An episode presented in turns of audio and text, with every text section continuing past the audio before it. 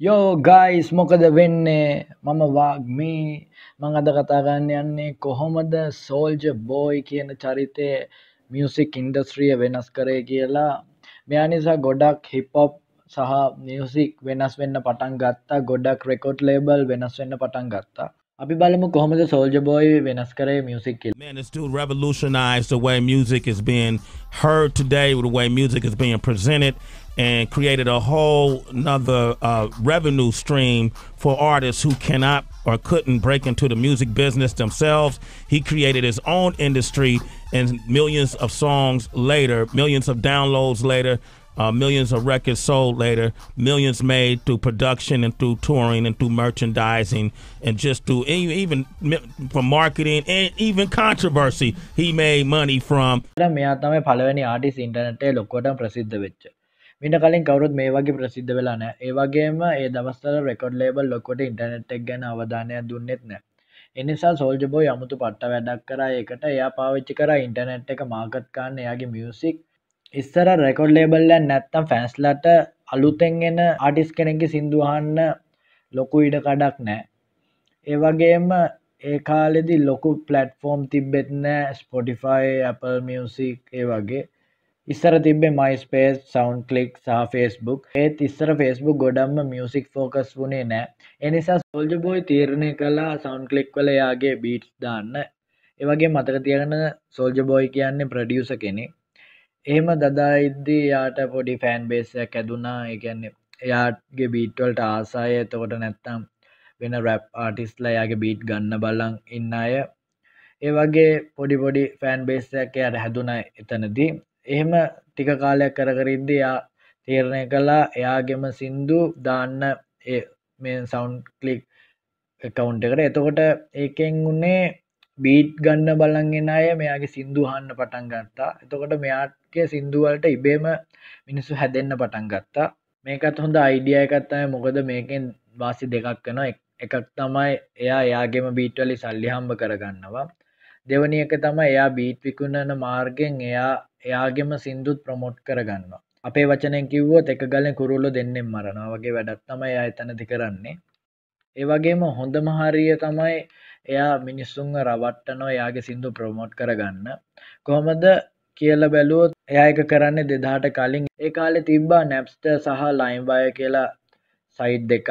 ඒ දෙකම නීති විරෝධි විදිර සිින්දු ඩවන්ලෝඩ් කාන්න තියෙන සයිට්ස් දැන්නම් මේ දෙක නැහැ ලොකුවටම නැහැ. මේවා ගොඩක් නැතිවෙන්න හේතුව වුණ මේවා තියෙන නිසා මිනිස්සු සල්ලිදිල්ල සිින්දු අහන්න නැතුව මේවට ඇවිල්ලා සිින්දු අහන්න නිසා. එනිසා සෝල්ජබෝයි දැනන් හිටිය මේ වගේ සයිඩ්වල මිනිස්සු ගොඩක් ඉන්නවා කියලා එනවා යනවා කියලා. එනිසා සෝල්ජබෝයි තීරණය කලා ලයිම්වයවල එයාගේ කවුන්ට එකක් හදල එයාගේ සිින්දු එකට අප්ලෝඩ් කන්න කොහොමද මිනිස්සු එයාගේ සිින්දු ඩවල්ලෝඩ් කරේ? මොකද එයා ඒ වෙනකොට කවරුත් දන්නේ නැති ආටිස් කෙනෙක්. එනිසා මිනිස්සු කවුරුත් එයාව සර්ච් කරලා අහන්න එන්නේ නෑ එනිසා එයා පට්ට වැඩක් කරා ඒකට. එයා කරදේ තමයි එයා එයාගෙම සින්දුවල නම වෙනස් කරපු එක. එයා අප්ලෝඩ් කර යාගේ සිින්දුව ක්‍රක් දැස් සිින්දුව අප්ලෝඩ් කරලා ඊට පස්සෙයා ඒක නම වෙනස් කර. ඒ කාලෙද තිබ ෆේමස්ම සිින්දුව දහරණයක් වශයෙන් ගත්තොත් එයාගේ සිින්දුව ක්‍රක් දැස් සිින්දුව එයා රීනේම් කන්න 50සෙන් ඉන්ද ලබ් කියලා. එතකොට දැන් කාටහරි ෆෑන් කෙනෙට 50සන්ගේ ඉන්ද ලබ් සිින්දු අහන්න ඕන නොත් එකල සර්ච්කන් 50සෙන් ඉන්ද ලබ් කියලා. එතකොට එන සිින්දුව ඇවිල්ල සෝල්ජ බෝයගේ ක්‍රක් දැක් සිින්දුව. ඒ විදියට එයා මිනිස්සුන්ව රවට්ටන්න තීරණය කළා. එතකොට ඒ කරද්දි එයා මේ තව හොඳ වැඩක් කන්න ඒ තමයි ඒ සිින්දුව පටන් ගද්දිම එයා කියන මයිනේම සෝල්ජ බෝයි ටේලම් කියලා. පොඩි තප්පර ගානක දයා එහෙම කියනවා. ඒ නිසා මිනිස්සු බලන්න යනවා කෞද මේ සෝල්ජ බොයි කියලා. පස්සේ මිනිස්සු එයාගේ සිින්දු අහන්න ගන්න ක්‍රක් දැට් ඒ වගේ එයාගේ පරණ සිින්දු. මෙන්න මේ හේතුව නිසා තම සෝල්ජබොයි අද සාර්ථක රැප කෙනෙක් වෙලායි නස්සය තීරණය කරනවා මාරු වෙන්න මයිස්පේස් වලට. මොකද ඒ කාලේ මයිස්පේස් නැගීගෙන ආපු නිසා පස්සයක් ක්‍රක් දැට් මයිස්පේස් වලටත් අප්ලෝඩ් කරන්න එතකොට සිින්දුව නිකම්ම යන්න පටන් ගත්තා. මොකද මිනිස්සු අරසින්න එක නිසා දන්නවා කවුද මේ සෝල්ජ බොයි කියන්නේ කියලා. පස්සේ මේ වුණට පස්ස කටිය දැනගත්ත ඉන්ටනෙට් එකෙන් සිරාම ගේමක් ගහන්න පුළුවන් කියලා. ඒ වගේම ලොකු ලාබැල් ලබන්න පුළුවන් කියලා. ඉන්ටනෙට් කියනදේ සිරාම සින්න කන්න පටන් ගත්ත. ආටිස් කෙනෙක්ගේ සිින්දු මිලියන් ගනම් මිනිස්සු ආලා තිබ්බත් රෙකොඩ් ලේබස් ලොකු නන්දුවත් දැක්වේ නෑ මේ අයට මොකද කිව්වොත් ඒ අයට ඕනිබුන්නේ ඒ අහන ගානම ඇත්ත ලෝකෙට ගන්න. ඒ කියන්නේ ලයිව් ෂෝස් ඒ වගේ.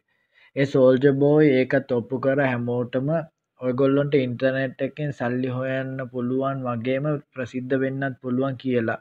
ඒ වගේම එයා ඒක හරවල පෙන්නුව ඇත්ත ලෝකෙට ගෙනල්ල කොන්සට් කරලා සල්ලි අරගෙන.